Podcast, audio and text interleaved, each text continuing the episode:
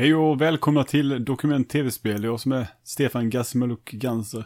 Dagens avsnitt handlar om Yu Suzuki och läses av mig själv och Martin Lindell.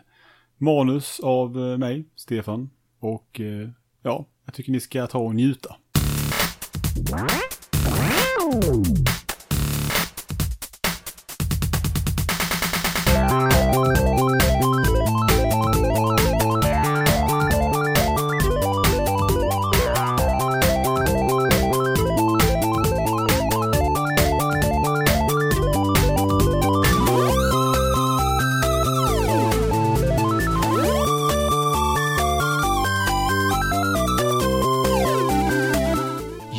Suzuki föddes i Kamaichi, Iwate, Japan den 10 juni 1958. Han är idag 57 år gammal. Pappa Yusuru och mamma Taka var förskolelärare och man uppmuntrade Yu att intressera sig för musik och konst. Yus intressen sträckte sig från modellbygge till tecknande. När han senare skulle söka till college funderade han först på att precis som sina föräldrar bli lärare. Han ändrade sig dock och tänkte istället bli illustratör. Eller varför inte tandläkare? Han misslyckades dock med intagningsprovet till tandläkarutbildningen och han började söka något nytt att studera. Lotten föll till slut på datorprogrammering vid Okayama University of Science. Han tog examen i början av 80-talet och anställdes sedan på arkadspelsutvecklaren Sega Enterprises som programmerare 1983 på avdelningen Development Division 2, DD2. Hans första spel blev arkadspelet Champion Boxing som släpptes 1984.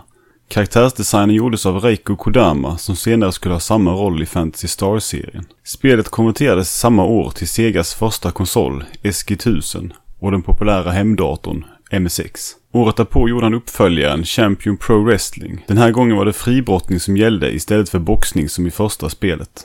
Även detta konverterades till SG-1000 och MSX. Yu Suzuki skulle dock fortsätta att göra spel till arkad. Hans nästa projekt blev Hang On.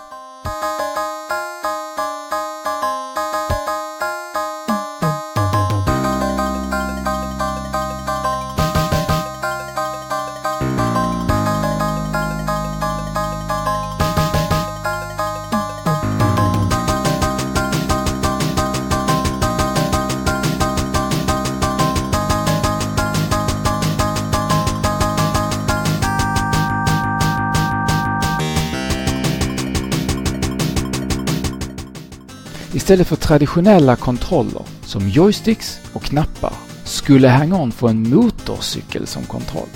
Genom att luta sig åt olika håll styrde spelaren spelet på skärmen. Yu spenderade många timmar på motorcykel inför utvecklingen och senare timvis varje dag på prototypen till motorcykelkontrollen just för att spelet skulle få den rätta känslan.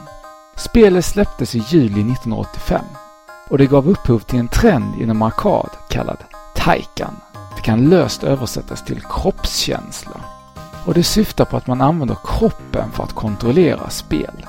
Hang-On var Segas första 16-bits arkadspel. Suzuki har berättat att han med i början i Hang-On alltid tänkte på sina spel som om det var i 3D. Han beräknade zoomhastighet, skalning och positioner som i ett 3D-rum och konverterade sedan det till hur det skulle röra sig i 2D för att skapa en 3D-effekt. För att skapa effekten av 3D, pseudo 3D, så hade Sega skapat en arkadkrets som kunde ändra storleken på pixelobjekt i hög hastighet. Sega Space Harrier-kortet var det första i en serie kallad Sega Superscaler. Det första spelarna att använda det var Hang-On och Space Harrier. Det senare även det av Suzuki och hans team. Space Harrier är ett shoot em up där man kontrollerar en man som åker inåt i bilden och skjuter fienden. Spelet känns fartfyllt tack vare pseudo 3D-effekten som får det att se ut som man susar snabbt fram på banan.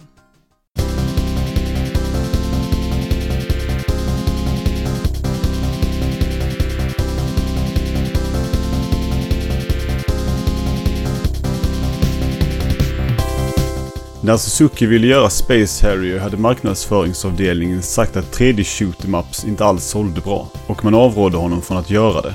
Han frågade dem varför tidigare 3D-shooters inte var populära. Svaret var att målen man skjuter på var för små när de kommer långt bort ifrån och spelaren inte hinner träffa dem. Suzuki insåg att man måste se till att spelaren kan träffa målet.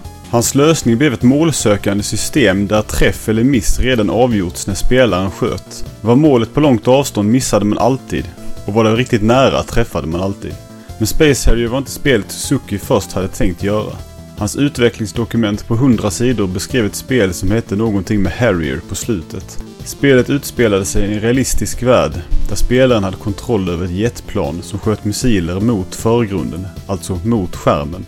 Men att animera planet i alla olika positioner som behövdes tog för mycket minne och gjorde en mer simpel design som blev den man man flyger med i Space Harrier. Han bytte också tema till sci-fi då det inte var speciellt realistiskt att man flög och sköt. Han vill dock behålla något från originalidén och lät spelets titel sluta på Harrier. Spelet släpptes den 30 juni 1985.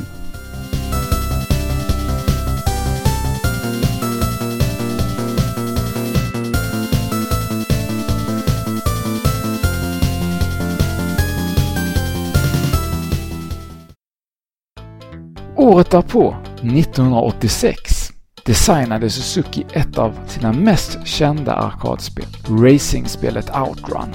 Han gillade Ferrari-bilar och även om bilen i spelet är mycket lik en Ferrari så hade Sega aldrig en licens att faktiskt använda märket. Precis som i Hang-On och Space Harrier körde man inåt i skärmen och Suzuki visade åter att han bemästrar användandet av Superscaler och bygget av en 3D-värld i 2D. Suzuki ville ha miljöer från verkligheten och åkte därför runt och besökte olika platser för att uppleva dem på riktigt, så han sedan kunde återskapa dem så korrekt som möjligt i spelet.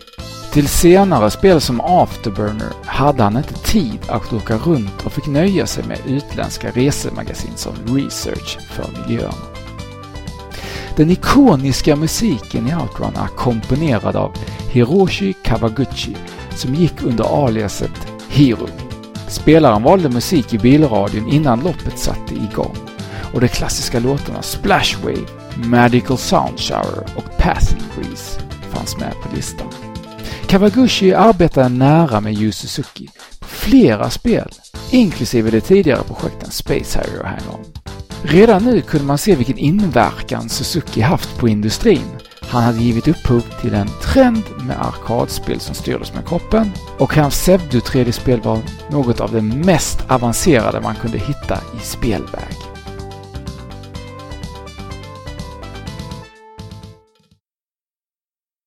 Det här är SST Band, eller Sega Sound Team Band från Game Music Festival 90 med eh, Kawaguchi på keyboard.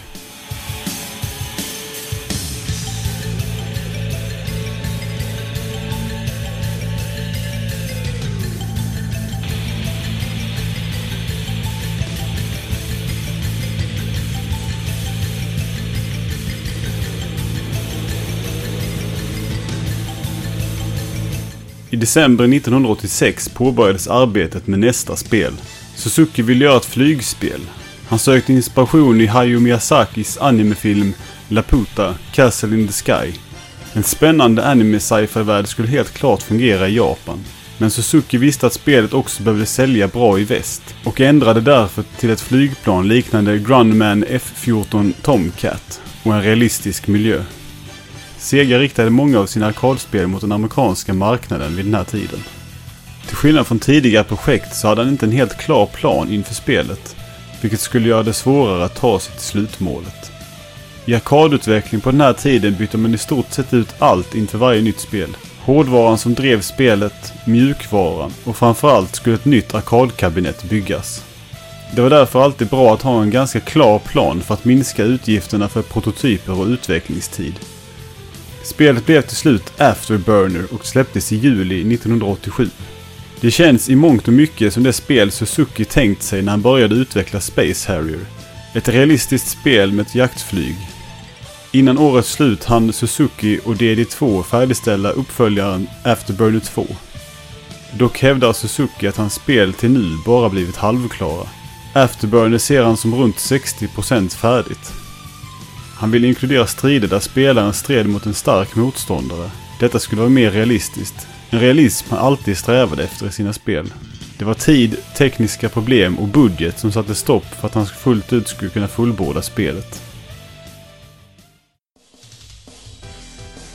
1988 skapade Suzuki Powerdrift på Segas nya Y-boardkrets som ytterligare bättrade på förmågan att göra pseudo 3D med 2D-sprites.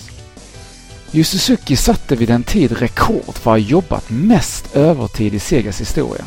Han sov ofta på en tillplattad kartonglåda på sitt kontor.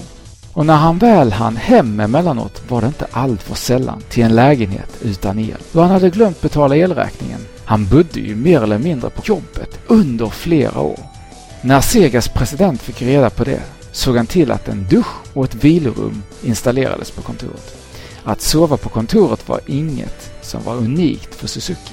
På Capcom var Megaman-skaparen Akira Kitamura en man som ofta sov på kontoret i slutet av 80 och även början av 90-talet.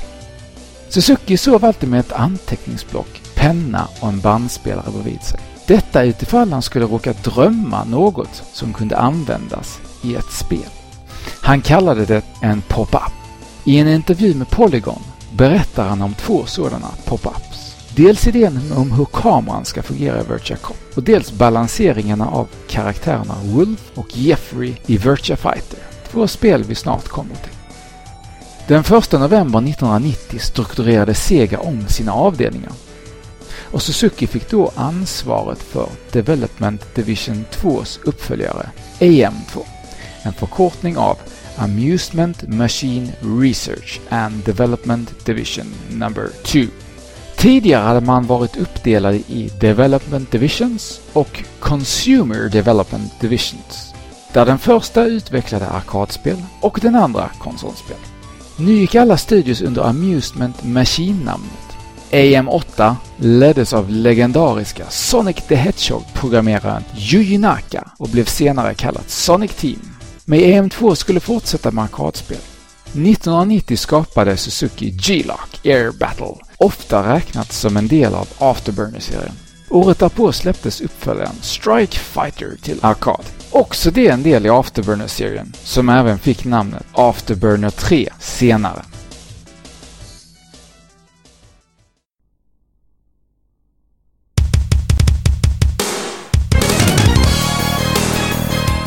–1992 tog Sega steget in i polygonvärlden med arkadkretsen Model 1 som utvecklades i ledning av Yu Suzuki. Suzuki och AM2 var såklart först att utveckla spel till kretsen. Vi skapade en prototyp av ett racingspel för att visa på de 3D-möjligheter som Model 1 innebar. Spelet blev så pass bra att Suzuki utvecklade vidare det till en kommersiell produkt. Virtual Racing släpptes i oktober 1992. Sega var dock inte först ut med polygonbaserad arkadracing. Namco hade släppt Winning Run redan 1988 och Ataris Hard Racing kom 1989. Det Sega gjorde med Model 1 och Suzukis Virtual Racing var att slå stora konkurrenten Namco på fingrarna i allt från antal polygoner till bilduppdatering. Vid tiden fanns inte dedikerade 3D-kretsar som idag och Suzuki fick därför skriva 3D-spelmotorn själv i assembly-kod. Assembly-kod är programmering som mer eller mindre pratar direkt med hårdvaran, vilket skiljer sig från till exempel C++ som ett kodspråk som går via mellanhänder innan det når hårdvaran. Med hjälp av Model 1 skapade Suzuki det första fighting-spelet med 3D-grafik. Virtue Fighter släpptes i oktober 1993. Eftersom man inte kunde göra spelet speciellt snyggt då Model 1 inte tillät texturering av karaktärerna, alltså att lägga tvådimensionella bilder på 3D-modellernas ytor, så satsade Suzuki istället på en realistisk känsla i rörelserna. Han menar att andra fightingspel som Street Fighter 2 var riktigt snygga med sin pixelgrafik, så han fick se till att göra ett mer realistiskt spel istället. För att hans team skulle förstå sig på kampsport satte han dem på att gå lektioner i kampsport. Vilket avslutades med en turnering på arbetsplatsen. De som klarade sig bäst fick olika jobb tilldelade sig, medan de det gick sämre för fick sköta pappersarbetet. Själv åkte Suzuki till Kina för att träna kampsport. Som ni förstår är det här med realism en del av Yu Suzukis grundläggande designelement. Hans Sifu, det vill säga mästare i Kina, kom att ligga som grund för karaktären Akira i Virtua Fighter. Han såg även till andra spel för inspiration till karaktärerna. Även om han personligen inte gillade Street Fighters Chun-Li så skapade han karaktären Pai för att de som gillade Chun-Li skulle hitta något liknande i hans spel. Suzukis personliga favorit är Sarah som han skapade för att vara en karaktär han själv skulle gilla. Han har också berättat att han skapade grundliga bakgrundshistorier till karaktärerna som aldrig avslöjades i spelet.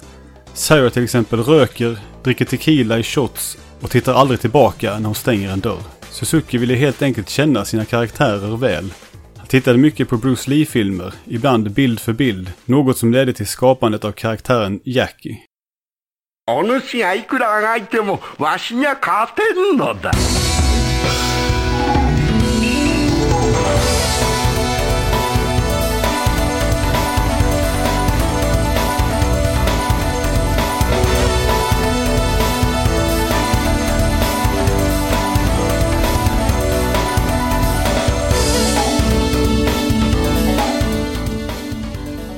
Fram till nu hade 3D-spel inga texturer. Allt var uppbyggt i enfärgade polygoner.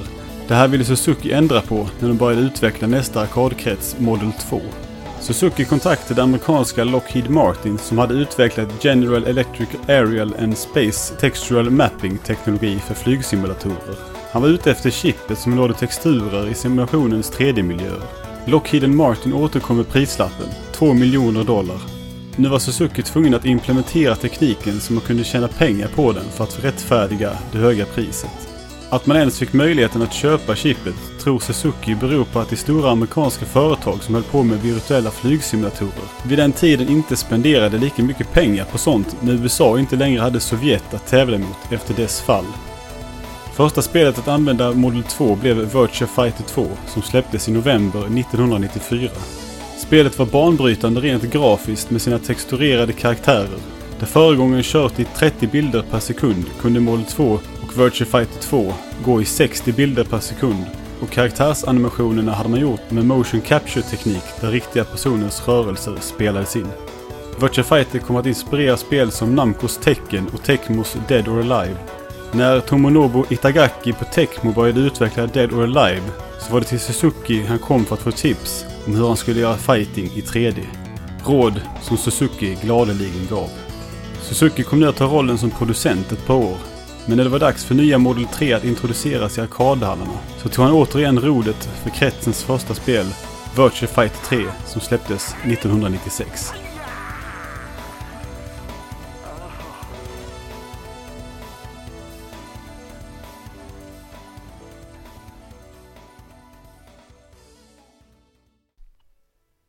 –1999 skapade Suzuki och AM2 det första spelet i Segas nya Naomi Multiboard arkadkrets.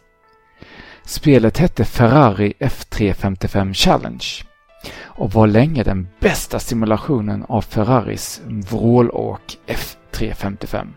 Det sägs att man under utvecklingen använde Ferrari-entusiasten Suzukis egen F355 som källa för simuleringen. Spelet kom att bli teamets mest realistiska racingspel och producerades ända fram till 2006.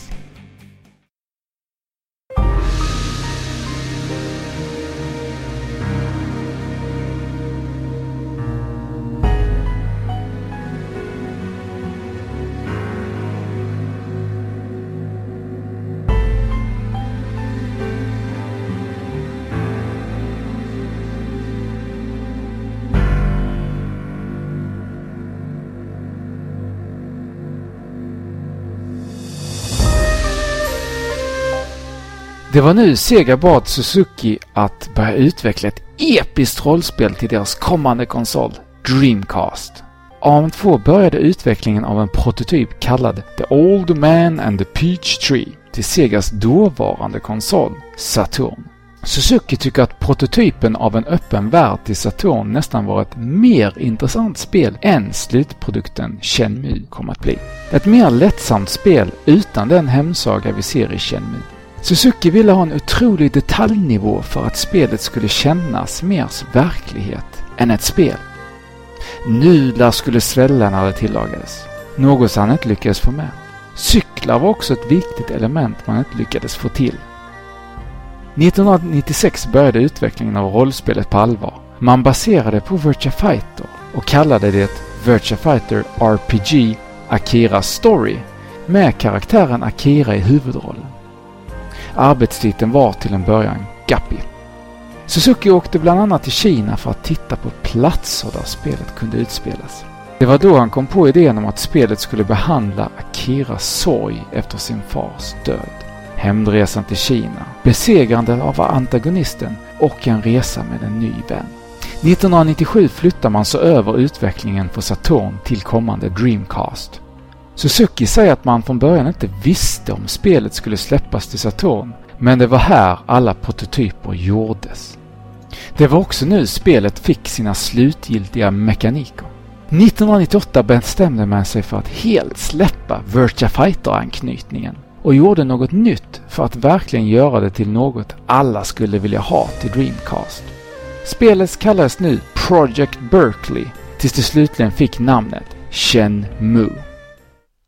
De båda Shenmue-spelen innehåller runt 450 karaktärer. Alla med sin egen bakgrundshistoria och dagliga rutiner. Suzuki ville verkligen få spelaren att känna att karaktärerna var levande. Deras beteenden ändrades beroende på om det var helgdag eller arbetsdag. De vaknade, gick till jobbet, tog bussen, handlade mat och la sig för att sova. Regnade använde en paraply och så vidare. Teamet jobbade hårt på att få alla karaktärer att vara så levande som möjligt. Än idag har få spel gjort ospelbara karaktärer levande i sådan detalj och skala som Yu Suzuki och hans team. Man tog hjälp av inredningsexperter för att få rum och platser att se naturliga ut. Vädret var algoritmgenererat och baserades på väderprognoser från Yokosuka år 1986, vilket är platsen och året då spelet utspelar sig. Det gick också från dag till natt för att ytterligare simulera en verklig värld. Pressen var stor på Suzuki. Shenmue skulle vara konsolsäljare. Spelet släpptes den 29 december 1999 till Dreamcast i Japan. Enligt Sega skulle spelet ha kostat 70 miljoner dollar att utveckla. Detta var en astronomisk summa för tiden. Suzuki hävdar dock att det snarare låg runt 47 miljoner. Även det är en respektabel summa för sin tid. I november 1998 hade Sega annonserat spelet som det första i en ny genre man kallade Free. Full Reactive Eyes Entertainment. En genre som idag mer skulle kallas Open World och innehålla spel som Grand Theft Auto och Saints Row-serien. Två år senare släpptes Shenmue 2 till Dreamcast. Spelet hade delvis utvecklats samtidigt som första spelet och Suzuki menar att det var därför första spelet blev så dyrt, medan Shenmue 2 slutade på en mer rimlig budget. Shenmue 2 släpptes även till Xbox år 2003. Trots att spelet möttes av goda till utmärkta recensioner så sålde det inget vidare. Och på Sega såg man Suzukis storsatsning som ett misslyckande. Det här kom att bli början till slutet för hans karriär på Sega. Man tillät inte längre stjärnutvecklaren Suzuki att ta sig för mer eller mindre vad han ville. Chen Mu 2 var inte slutet på en saga. Det slutade i en cliffhanger och fansen hade redan innan fått veta att den slutgiltiga delen var att vänta. Men den kom inte. Tänk er om Halo 2 eller andra boken i Sagan om ringen aldrig fått en uppföljning. Det var där Suzuki och hans fans kom att befinna sig. Efter Chenmu skapade AM2 Suzuki Virtua Fighter 4 till nya Naomi 2-kretsen. Men sen kom han mer eller mindre att känna sig strypt rent kreativt. Inga av hans nytänkande idéer eller Chenmu 3 fick grönt ljus. Efter att ha producerat Outrun 2 och Virtua Cop 3 så bestämde sig Yu Suzuki för att lämna AM2 och grundade i september 2003 en mindre studio på Sega kallad Digital Rex. Efter omstruktureringen på Sega tyckte Suzuki att AM2 hade blivit för stort och ville ha ett mindre team att jobba med. Digital Rex blev Department 2 på nya Entertainment R&D Division. På Digital Rex skulle Suzuki nu bland annat börja utveckla ett fightingspel för arkad som hade helt touchbaserad kontroll. Sci-Fi, som det hette, utvecklades för Sega med deras arkadkrets Sega Shishiro och senare på Sega Lindbergh. Spelet släpptes i en liten skala, men efter en kort testperiod drog Sega ut proppen på Sci-Fi. Suzuki menar att Sci-Fi, eller Psychic Jewel som det först kallades, skulle vara nästa Virtua Fighter. Nästa steg i fightingspelsevolutionen. Man skulle styra spelet med stora touchskärmar. Tydligen blev kontrolldelarna så varma att man lade ner det på grund av säkerhetsskäl. Suzuki tror att spelet var före sin tid när det testades 2005 och att det antagligen skulle fungera bättre idag. Han utvecklade även ett liknande koncept för rörelsesensorn Kinect till Xbox 360. Men projektet blev aldrig av då utvecklaren som skulle göra det inte kunde få stöd för en sådan annorlunda idé. På Digital Rex fortsatte också jakten på ett nytt Chenmu.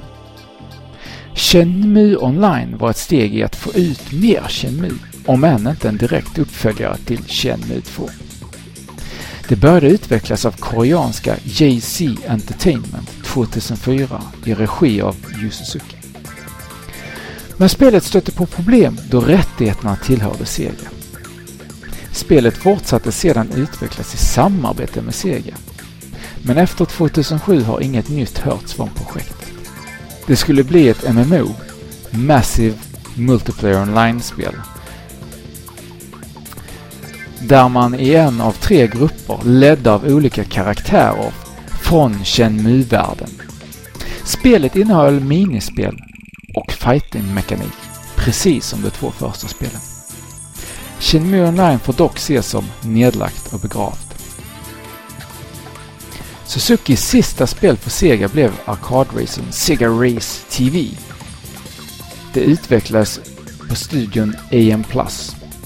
Det här blev Suzukis sista arkadspel och han kom snart att lämna arkadmarknaden och Sega bakom sig.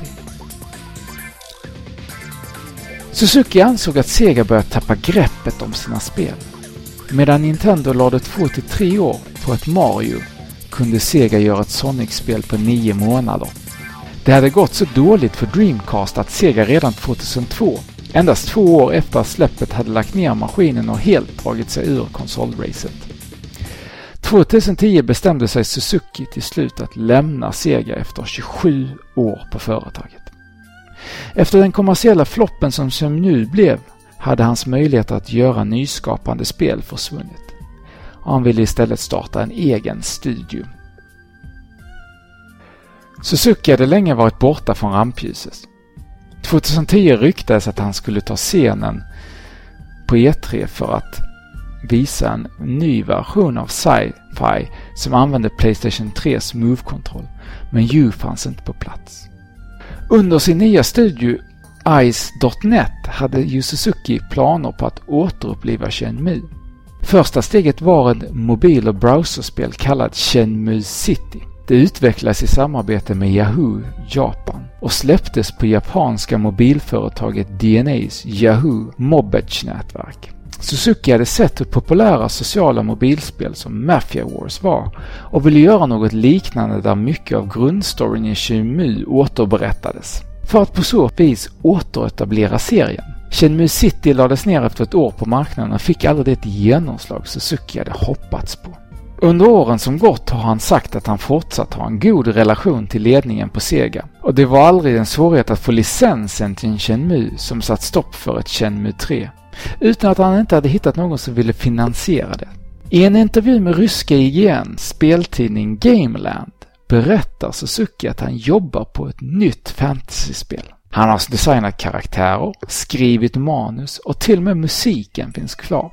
Men han säger att han saknar sponsorer. Han har många projekt på gång. I hans laptop visar han Gameland mapparna med spelprojekt. Ett av dem heter Shenmue 3.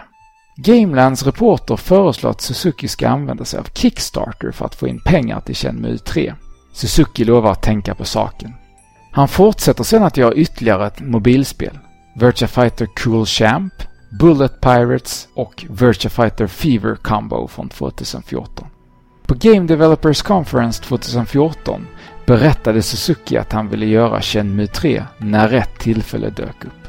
Han sade också i en intervju att han höll på att undersöka Kickstarter. Det var under konferensen som Sony kontaktade honom då Shenmue 3 var det populäraste spelet i deras Building the List Initiative. Ett initiativ där man tittar på vad fansen verkligen vill ha och undersöker möjligheterna att få spelen gjorda. I maj 2014 förnyar Sega Shenmue-varumärket och Suzuki påvisar återigen att han inte har några problem att få Shenmue 3 rent licensmässigt. Den 14 juni 2015 lägger Suzuki upp en bild av en gaffeltruck på Twitter. Han tycker det är lite roligt. Folk har blivit vana vid oinfriade teasningar från honom vid det här laget. Någon som inte finner hans tweet lika underhållande är Sonys Adam Boyce. Han är Vice President of Publisher and Developer Relations på Sony. Han har haft ansvar för det samarbete som ska offentliggöras på deras presskonferens den följande dagen. Den 15 juni håller alltså Sony sin årliga presskonferens på E3-mässan i Los Angeles. När Adam Boy stiger upp på scen och tillkännager att man vill hjälpa en Kickstarter var nog få beredda på vad det var. Men när de rosa bladen börjar falla på skärmen och musik från Shenmue börjar ljuda i högtalarna förstår alla vad som är på gång. En kort video där Suzuki presenterar Kickstartern följer. Sedan bjuder Boys upp Suzuki på scen.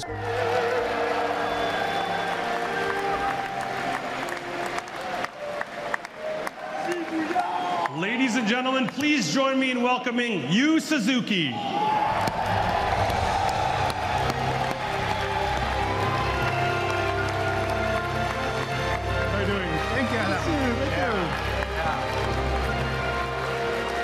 Everyone.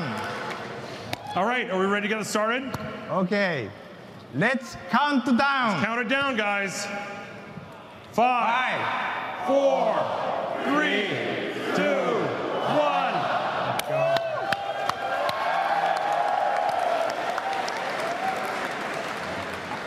Today is very exciting. I hope we can make Shenmue 3 for the, all the fans. Thank you so much. Thank you. Thank you so much. Suzuki. Thank you. All right, everyone. Let's help Yu Suzuki get Shenmue 3 funded. Publiken jublar. En del sätter sig upp och applåderar. Någon gråter. Det är tydligt att en Shenmue betyder mycket för en del. Tillsammans räknar Suzuki Boys och publiken ner starten av Kickstarten. Och Suzuki säger att han hoppas att man kan göra Shenmue 3 till verklighet tillsammans. Det visar sig att Sony kommer hjälpa till med finansieringen av spelet om Kickstarten går bra. Boys berättar i en intervju att man inte vill lägga, lägga spelet helt i Sonys händer då man först skulle behöva spendera lång tid med att bygga en prototyp för att sedan övertyga ledningen. Genom att låta Suzuki själv kickstarta kunde man visa på fansens hängivelse och på så vis övertyga beslutsfattarna. Det är en strategi som går hem. Redan inom loppet av 8 timmar når Kickstartern sitt mål på 2 miljoner dollar. När kampanjperioden löper ut så slås rekorden för vad ett spel på Kickstarter lyckats samla in med hela 6,3 miljoner dollar. Det tidigare rekordet var endast fem dagar gammalt och låg på 5,5 miljoner dollar som Castlevania-mannen Koji Igarashis Bloodstains Ritual of the Night hade samlat in. Innovatören Yu Suzuki är tillbaka i rampljuset. Det är efter 14 långa år dags att äntligen få avsluta Shenmue-sagan. Huruvida Sega kommer att släppa de två första spelen till nyare format är osäkert. Det är så långt vi kan berätta om Yu Suzuki. Han och flera personer som en gång i tiden utvecklade Shenmue jobbar nu på den avslutande delen. Masaya Matsukase och Corey Marshall gör återigen den japanska respektive engelska rösten åt huvudkaraktären Ryo. Shenmue 3 är planerat att släppas i december 2017.